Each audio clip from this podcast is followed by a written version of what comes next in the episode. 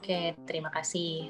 Nah, ini uh, selamat datang untuk adik-adik. Mungkin ada yang sekarang di SMA, di SMK, atau mungkin ada kakak-kakak mungkin yang sudah justru sudah ada di jurusan manajemen saat ini. Gitu mungkin nanti bisa sharing juga kalau misalnya ada pertanyaan, gitu ya.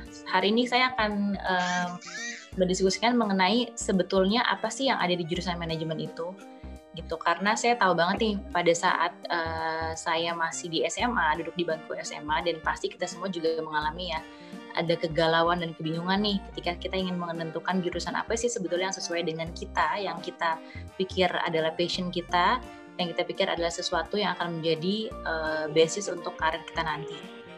Gitu.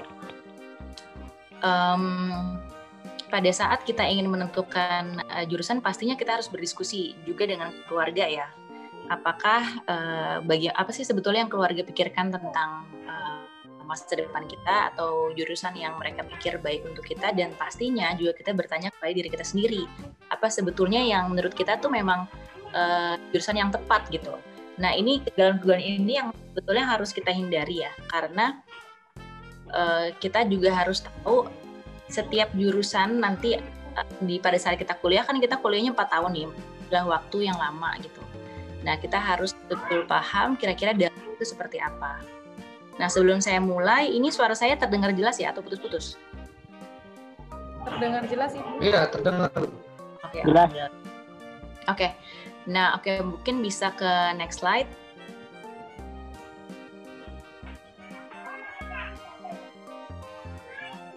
Ya, sebelumnya perkenalan dulu tentang saya. Uh, saya mengambil S1, waktu itu saya pilih di psikologi. Perdebatan, perdebatan batin saya waktu saya SMA tuh antara psikologi dan juga manajemen. Karena saya waktu itu tertarik memang kedua bidang ini. Jadi akhirnya saya memang memutuskan, oke okay, saya akan mengambil S1-nya psikologi, S2-nya di bidang manajemen. Waktu saya masuk psikologi UI, dan juga itu double degree dengan University of Queensland Lalu ketika saya S2, saya memilih S2 di uh, Leadership and Organization di Malmo University Sweden. Nah ini pasti banyak yang mikir Sweden tuh Swedia di mana ya gitu. Nah alasan kenapa saya milih Swedia waktu itu karena saya tahu memang negara itu potensi yang besar dan banyak brand-brand besar berasal dari Swedia. Dan pada saat itu memang kuliahnya gratis di sana. Gitu ada juga banyak universitas yang bagus. Nah ketika saya kembali menyelesaikan master, ya saya juga mengambil uh, eh, HR Education di Universitas Prasetya Mulia karena memang saya ingin ini terkait dengan HR. Nah, karir pertama saya saya ada di Bank Danamon, Organization Performance Management Analyst waktu itu selama tiga tahun. Lalu saya melanjutkan kuliah S2. Lalu pada pada saat saya kembali, saya melanjutkan di Watson Indonesia. Itu adalah Global Consulting Group. Saya ada di Talent and Reward, eh, konsultan Talent and Reward waktu itu. Nah setelah itu uh, suami saya sempat posting di uh, Paris di Paris. Kemudian saya juga di sana bekerja di salah satu NGO namanya One Thousand and One Mill uh, Fountain di Paris itu sebagai recruitment project. Saya menghandle ada recruitment project karena uh, sambil suami saya kerja di sana juga. Lalu ketika saya kembali, saya mikir-mikir lagi apakah saya mau bekerja sebagai konsultan lagi atau di corporate, ataukah saya ingin memulai mencoba untuk bisnis sendiri. Nah, waktu itu akhirnya saya memutuskan untuk membantu bisnis keluarga juga dan mendirikan beberapa bisnis juga. Nah, itu saya sebagai uh, di manajemen dan juga HR advisor di Lazuardi Al-Falah. Ini adalah sekolah Global Islamic School dari mulai TK sampai dengan SMP. Nah, ini ada cabangnya di Depok dan juga di Jawa Tengah.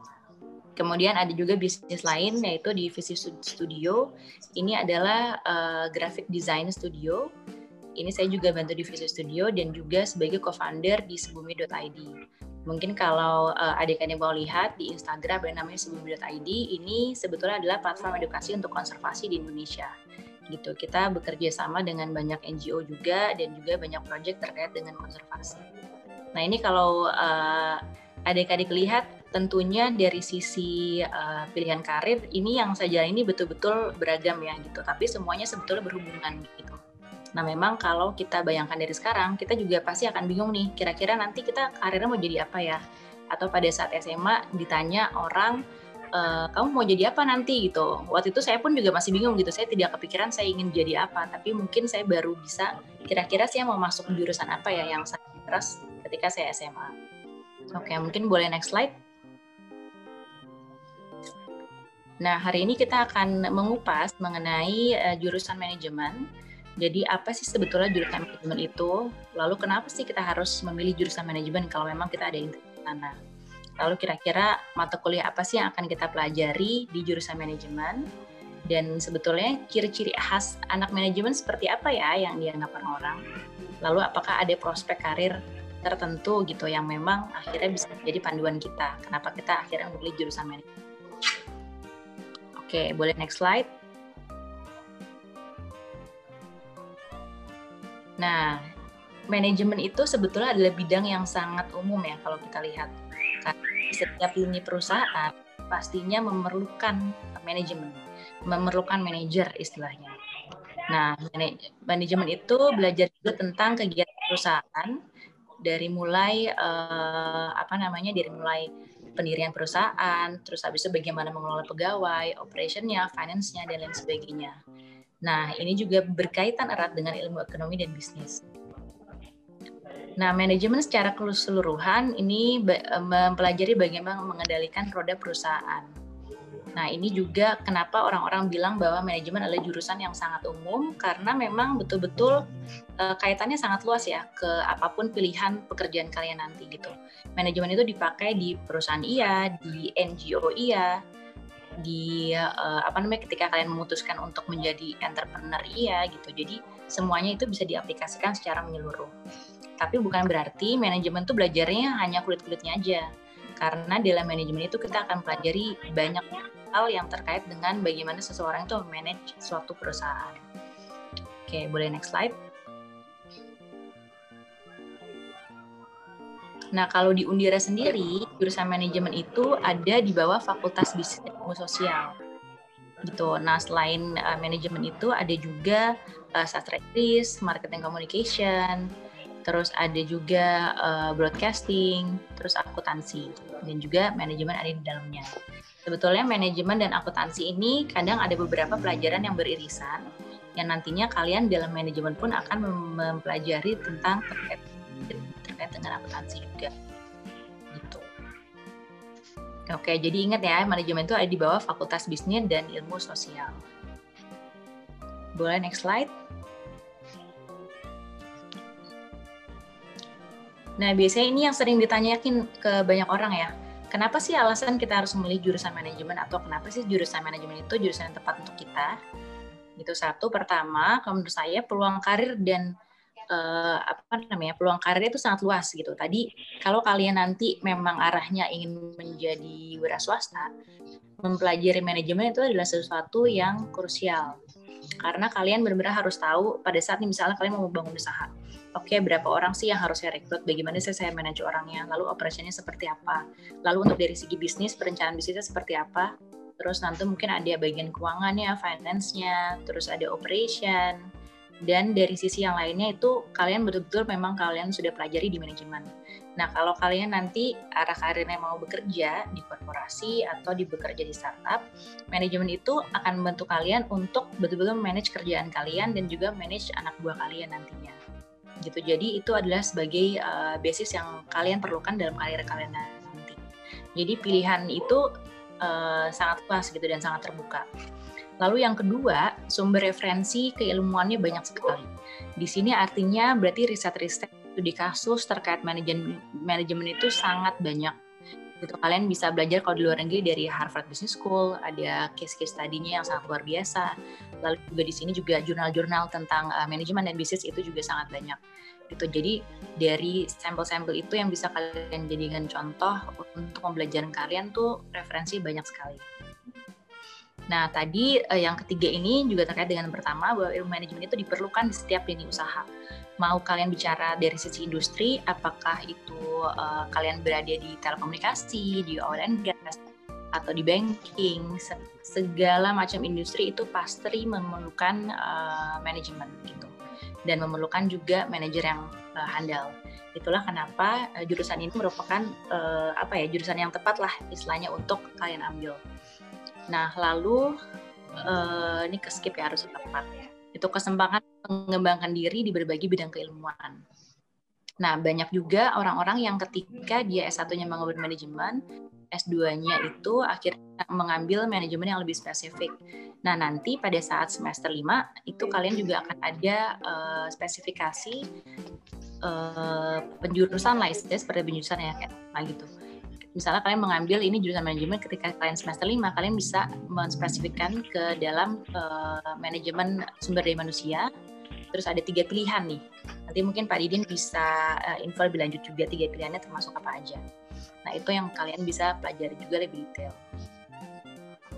Uh, lalu yang terakhir tidak hanya pelajari teori tetapi juga praktek yang akan diterapkan dalam program magang atau internship. Nah, internship ini akan dilakukan di semester ketujuh biasanya, di mana kalian juga harus membuat report. Internship itu atau magang itu adalah kesempatan kalian untuk mengaplikasikan ilmu yang sudah kalian dapatkan selama berkuliah. Jadi ketika kuliah belajar teori-teorinya, ketika internship betul-betul kalian terjun langsung ke dalam perusahaan dan kalian memahami akhirnya bagaimana sih seorang itu uh, seorang manajer contohnya me, apa namanya mengcoaching anak buah, bagaimana membuat um, proyeksi bisnis dan juga membuat apa namanya kerangka bisnis seperti apa. Nah itu bisa kalian pelajari pelajarkan pada saat kalian magang seperti itu. Oke, okay, boleh next.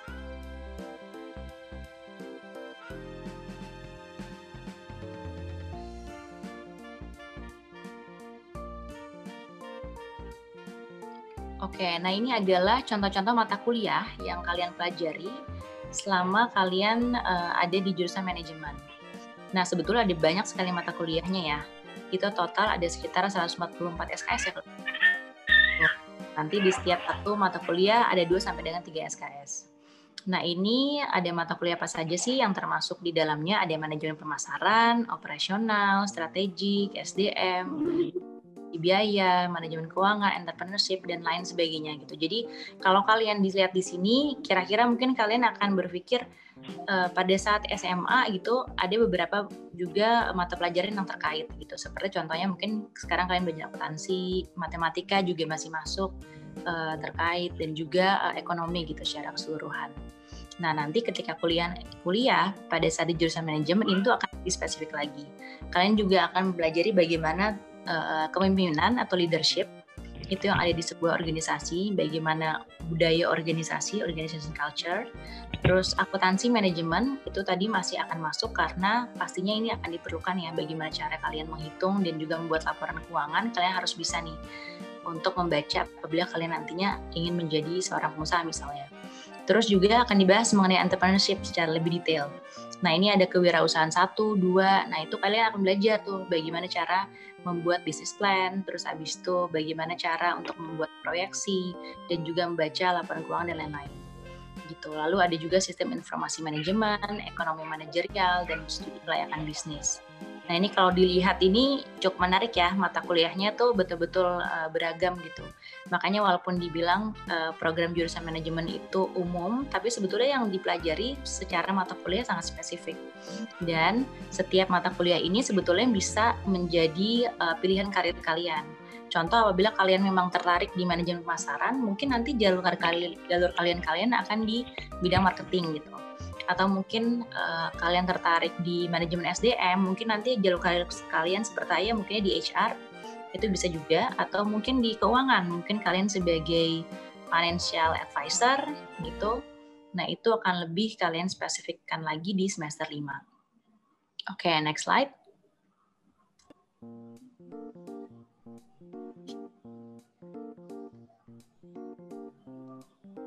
Nah, sebetulnya metode belajarnya seperti apa sih?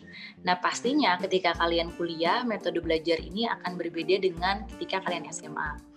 SMA itu uh, akan lebih banyak uh, apa siswa itu menerima penjelasan dari guru.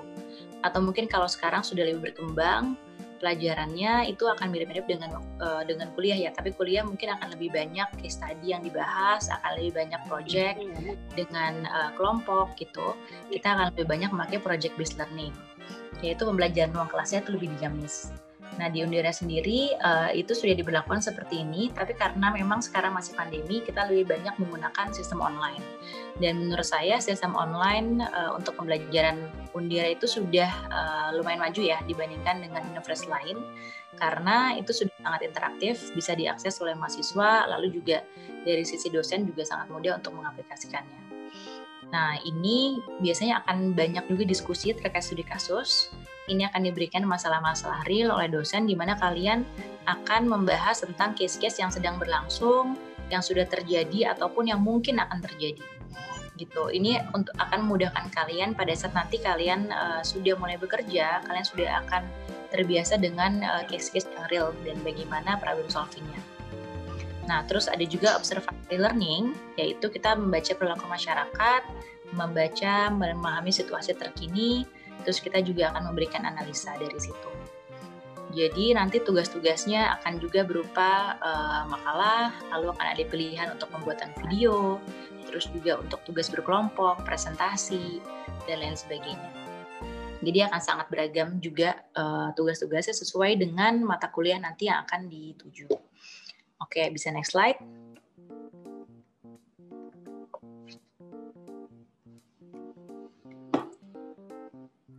Nah, ini nih yang biasanya ditanyakan. Sebetulnya kalau jadi mahasiswa manajemen tuh karakter harus seperti apa sih? Saya tuh cocok nggak ya jadi ma ma mahasiswa manajemen? Nah, ini adalah ciri khas umum ya. Ini saya juga cari-cari nih. Pertama, eh, mahasiswa manajemen biasanya dia memiliki keterampilan interpersonal yang baik yaitu suka bekerja sama dengan tim, lalu suka memberikan konsultasi dan juga punya keterampilan komunikasi dan juga suka networking. Ini nantinya keterampilan interpersonal ini juga akan sangat membantu kalian pada saat kalian memulai pekerjaan dan juga pada saat kalian ingin memulai bisnis. Karena yang eh, yang pasti kita tahu bahwa networking itu sangat penting ya. Jadi kalau, kalau kalian adalah orang yang uh, apa namanya saya suka bergaul, kalian extrovert, kalian uh, apa namanya suka untuk uh, tampil depan umum gitu ini mungkin adalah jurusan yang cocok terus juga uh, lain adalah anak-anak yang suka memecahkan masalah yaitu terstruktur rasional punya wawasan luas dan juga kritis kritis kreatif gitu kalau kalian suka nih misalnya uh, nonton film detektif gitu atau kalian suka dengan ada case-case yang sepertinya menantang nih untuk kita telaah gitu uh, atau kita ingin memberikan saran, masukan gitu terhadap sesuatu yang ada kejadian saat ini gitu, itu mungkin jurusan manajemen adalah jurusan yang tepat. Terus apakah kalian juga senang menganalisa? Orangnya tekun, observan. Observan itu berarti suka untuk mengamati sekitar ya, mengamati perilaku, mengamati tren-tren yang terjadi saat ini gitu. Dan juga mungkin memiliki kemampuan berhitung dan suka berhitung dan juga kritis, ini mungkin jurusan yang cocok.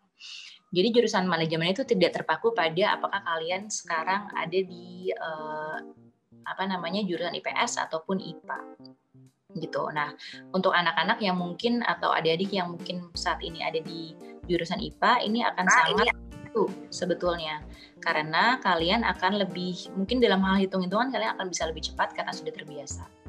Dan untuk adik-adik yang di IPS ini juga mungkin akan sangat terkait dengan uh, mata pelajaran yang kalian dapatkan sekarang. Tuh kira-kira. Next slide. Nah, ini nih saya ambil meme-nya nih dari internet nih. Anak anak manajemen seperti apa sih? Oh, ini ada beberapa pandangan sebetulnya. Oh, anak manajemen itu katanya identik dengan cewek-ceweknya cantik. Oh, ini waktu saya ada di UI dulu anak manajemennya betul nih ada identik juga nih selain uh, di psikologi ternyata di manajemen juga banyak sekali yang mahasiswa dan mahasiswi yang cakep-cakep ya gitu katanya. Terus juga uh, katanya ada pandangan bahwa anak manajemen itu anaknya ngirit karena sudah tahu cara ngitung duit dan bisnis. Bisa juga gitu ya. Terus uh, jurusan pilihan orang tua katanya pilihan orang tua ini banyak juga pada saat uh, zaman saya itu biasanya orang tua yang memang mengarahkan anak-anaknya ke jurusan ekonomi atau manajemen karena katanya prospeknya bagus. Nah ternyata sampai sekarang pun jurusan ini adalah jurusan favorit. Makanya kenapa banyak sekali universitas yang membuka jurusan manajemen gitu. Nah itu uh, terus ada juga paradigma yang menganggap bahwa anak manajemen itu pintar berdebat. Mungkin karena ada banyak case tadi kali ya. Terus ada juga uh, pintar atur waktu dan hits di kampus. Nah ini mungkin saya setuju nih, anak manajemen hits di kampus. Gitu. Oke, bisa next slide. Mungkin kalau ada pandangan kakak-kakak kelasnya bisa disampaikan juga tuh di situ. Sebetulnya anak manajemen seperti apa sih? Nah ini adalah prospek karirnya. Jadi yang pertama, uh, dari jurusan manajemen itu bisa menjadi konsultan bisnis pastinya. Kalau kalian suka untuk memberikan uh, tadi menganalisa, memberikan solusi, itu bisa menjadi konsultan bisnis. Memberikan pelayanan konsultasi terkait organisasi, manajemen, keuangan kepada perusahaan.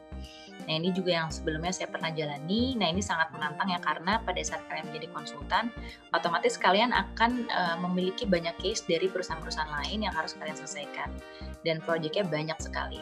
Kalau kalian orang yang dinamis, uh, suka tantangan, mungkin ini cocok buat kalian. Nah, yang kedua adalah marketer. Tadi karena ada uh, spesifikasi atau penjurusan di bidang marketing tadi, mungkin itu juga cocok untuk kalian yang suka uh, apa namanya uh, di bidang ini gitu. Ini kalian harus meyakinkan banyak orang untuk membeli produk atau menggunakan produk atau, atau jasa gitu. Ini marketing itu cabangnya juga banyak sekali gitu. Kalian bisa masuk ke marketing sosmed atau marketing uh, apa namanya produk secara lebih spesifik brand dan lain sebagainya.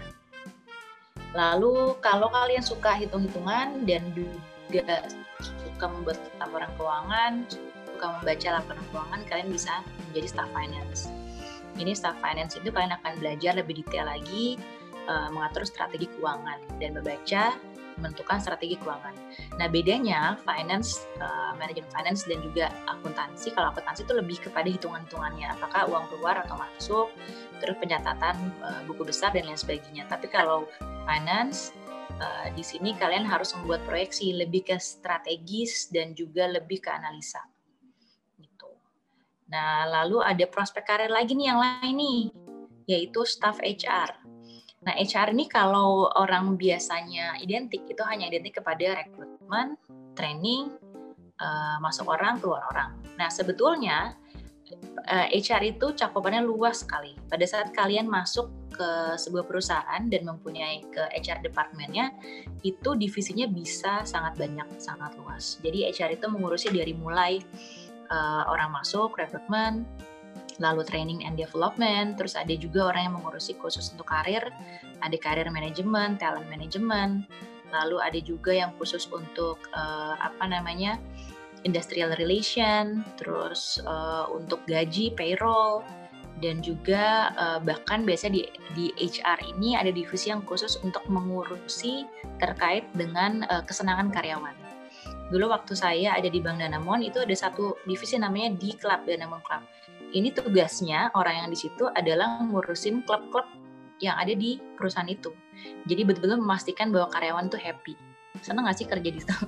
Jadi betul-betul mem memastikan bahwa ada klub tenis, klub bowling, ada hura-hura gitu di dalam satu perusahaan untuk membuat karyawan itu semangatnya meningkat.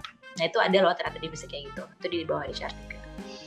Nah lalu selanjutnya kalau kalian tertarik memang di apa ya di perbankan gitu, kalian bisa menjadi banker.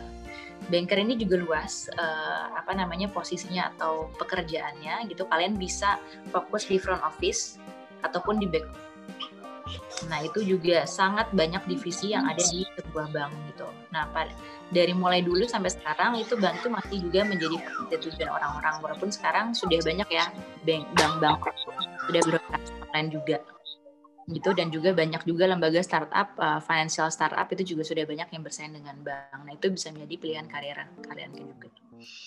Nah, yang terakhir adalah wira swasta uh, wira swasta itu adalah ya pengusaha lah ya.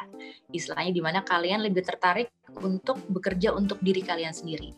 Jadi effort yang kalian keluarkan itu setara dengan hasil yang nantinya akan kalian dapat. Nah itu itulah prinsip pengusaha biasanya. Jadi biasanya pengusaha itu orangnya tidak suka nih kalau bekerja under orang lain atau disuruh-suruh orang lain, tapi dia ingin benar-benar berkreasi, menghasilkan uang sesuai dengan kerja kerasnya gitu. Dan memang mempunyai visi yang lebih uh, jauh lagi gitu untuk bisnisnya akan dibawa ke mana.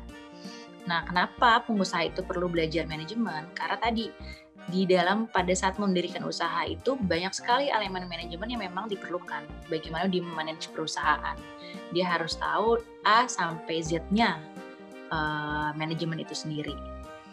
Nah, itu seperti kalian kalau menjadi pengusaha itu seperti istilahnya teorinya tuh udah ada nih di jurusan manajemen, kalian tinggal aplikasikan untuk menjadi pengusaha. Tapi perlu diingat bahwa untuk menjadi pengusaha itu perlu mental yang ada tidak hanya gaya-gayaan nih oh saya punya usaha ini loh gitu tapi usaha itu berat luar biasa gitu jauh lebih berat dibandingkan kalian bekerja kantoran atau bekerja bekerja untuk orang gitu oke nah kalau secara detail kalau kita ngomongin uh, prospek karir secara industri pasti sangat luas industri itu juga sangat beragam. Nah, prospek karir yang ada di sini hanyalah beberapa contoh saja ya dari yang mungkin kita ada ditawarkan di market nanti. Nah, tapi semua itu kembali lagi tergantung kepada diri masing-masing. Tidak mesti jaminan misalnya, oh saya kan lulusan um, ekonomi atau saya kan lulusan uh, matematik, pasti saya gampang dong nyari kerjanya gitu. Nah, itu semua akan tergantung di, di diri kalian masing-masing. Apakah sewaktu kuliah, satu kalian sering uh, apa namanya mengambil program magang ketika liburan. Apakah kalian punya pengalaman kerja sebelumnya? Itu pasti yang ditanyakan pertama pada saat kalian bekerja. Terus apakah memang nilai-nilai kalian baik dengan tugas-tugas yang uh, memang nilai-nilainya baik gitu. Nilai baik ini bukan berarti jawabannya betul ya, tapi memang berbobot gitu pekerjaannya. Gitu sih. Oke, boleh next. Nah, ini kelihatan nggak ya kekecilan nggak sini? Kalau saya soalnya di sini nggak kelihatan. Kira-kira terlihatkah ini gambarannya? Ini sebetulnya adalah gambaran pekerjaan-pekerjaan yang uh, mungkin bisa diambil oleh eh, orang-orang uh, yang bekerja di manajemen. Eh, sorry, orang-orang yang mengambil jurusan manajemen. Di sini saya juga ngambil di salah satu website gitu. Ini adalah gambaran gaji starting point-nya gitu. Seperti yang kalian tahu, UMR di Jakarta saat ini uh, sekitar 3,7 gitu ya, 3,8 lah. Nah, tapi range ini hanyalah gambaran umum saja. Pastinya nanti pada saat kalian bekerja akan berbeda juga. Karena akan ada inflasi sekitar 10%, terus nanti 5 sampai dengan 10%, lalu untuk nanti juga akan ada UMR itu akan ada kenaikan. Nah, berbeda industri, berbeda perusahaan, pastinya akan berbeda juga uh, starting point untuk salary-nya. Ini hanya gambaran umum saja, saja tidak bisa menjadi acuan. Tapi uh, satu ketika kalian memilih pekerjaan, pastikan bahwa uh, perusahaannya memang adalah perusahaan yang uh, istilahnya bonafit atau memang yang uh, bisa menunjang karir kalian. Kedua, apakah memang uh, dari sisi kerjanya memang sesuai passion kalian atau tidak? Gitu. Itu kan itu yang nanti pelan-pelan akan kalian uh, pahami ketika kalian uh, di masa kuliah nanti kira-kira pekerjaan yang sesuai dengan passion kalian itu apa Itu mau beli Gitu, oke. Okay. Nah, prospek karir mahasiswa dari jurusan itu luas sekali dan setiap mata kuliahnya memiliki keunikan dan keunggulan untuk menjadi salah satu prospek karir spesifik. Yang saya masuk misalnya nanti kalian tertarik di bidang marketing, kalian mungkin bisa menjadi marketer atau tadi kalian nanti uh, spesifikasi ya ingin tertarik di SDM, kalian bisa berkarya di bidang HR dan lain sebagainya. Jadi pada saat kau, kalian mengambil jurusan manajemen itu ketika mata kuliahnya sudah kalian ambil dan kalian lihat tuh bisa menjadi salah satu tujuan karir kalian. Gitu. Oke, boleh next slide.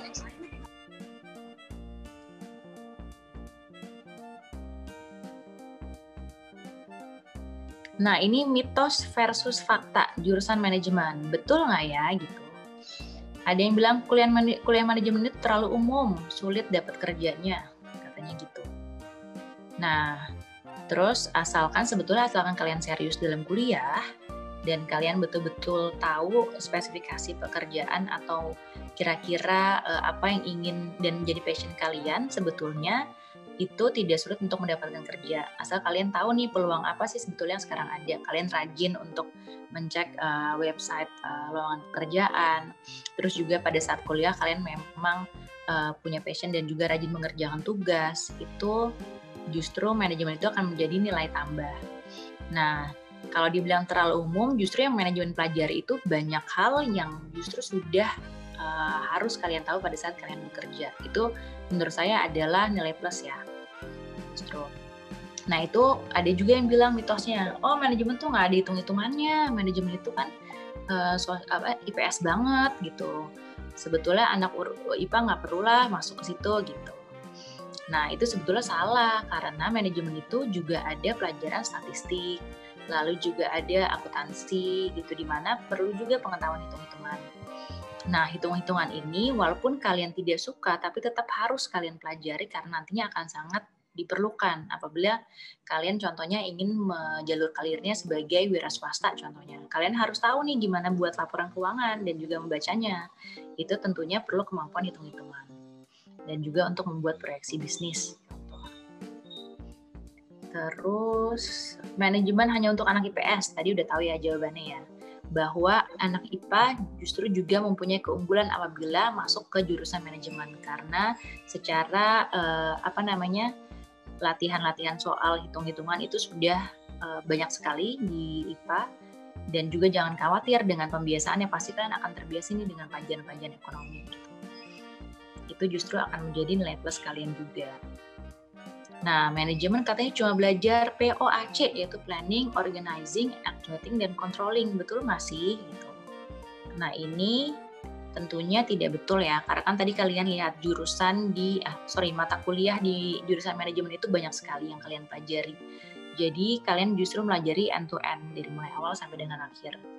Itu kalian belajar operation juga marketing juga HR juga bisnis juga dan lain sebagainya.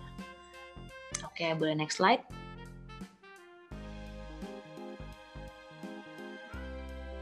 Nah, ini adalah contoh profesional di bidang ekonomi dan manajemen. Jangan sampai ada yang bilang ini bapaknya sama ibunya siapa ya? gitu. Nah ini satu adalah Sri Mulyani sudah pasti tahu ya uh, Ibu Sri Mulyani itu uh, seorang ekonom juga. Dia salah satu juga yang uh, orang Indonesia pertama sebagai pimpinan di World Bank gitu menteri ekonomi kita dan juga sudah sangat terkenal. Dan juga kedua Bapak Renat Kasali ini dia juga seorang pengusaha praktisi dan juga guru besar di bidang manajemen. Dan juga uh, apa ya mengeluarkan buku yang sangat inspirational. Gitu ya mungkin kalian juga wajib baca nih buku-bukunya Pak Renat Kasali. Dan juga ada juga Bill Fadivara dia juga mengambil MBA waktu Master of Business Administration di bidang manajemen. Lalu dia pendiri uh, ruang guru. Dia juga pasti tahu ya kalau yang terakhir. Itu nah itu ada banyak sekali profesional di bidang ekonomi dan manajemen yang mana uh, tidak menjadi orang yang mediocre atau biasa-biasa aja, tapi mereka menjadi ahli di bidangnya gitu, betul-betul menekuni dan betul-betul ahli di situ. Oke, boleh next.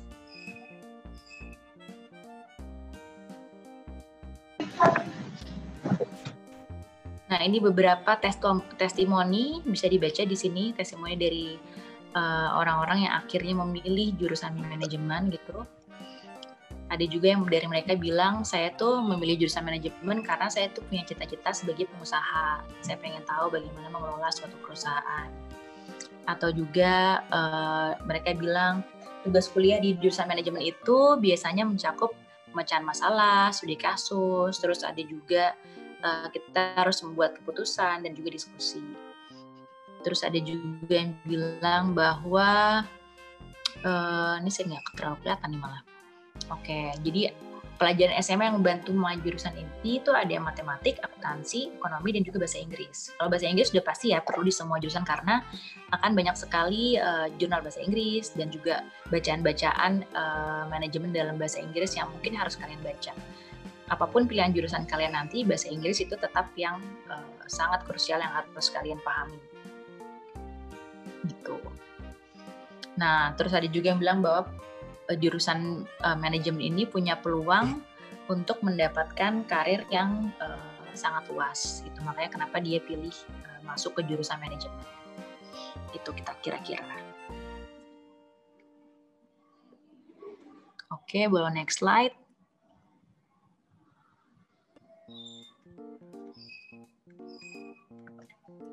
Nah, gimana? Kira-kira setelah penjelasan ini apakah kalian sudah mantap untuk makin mantap nih untuk masuk ke jurusan manajemen.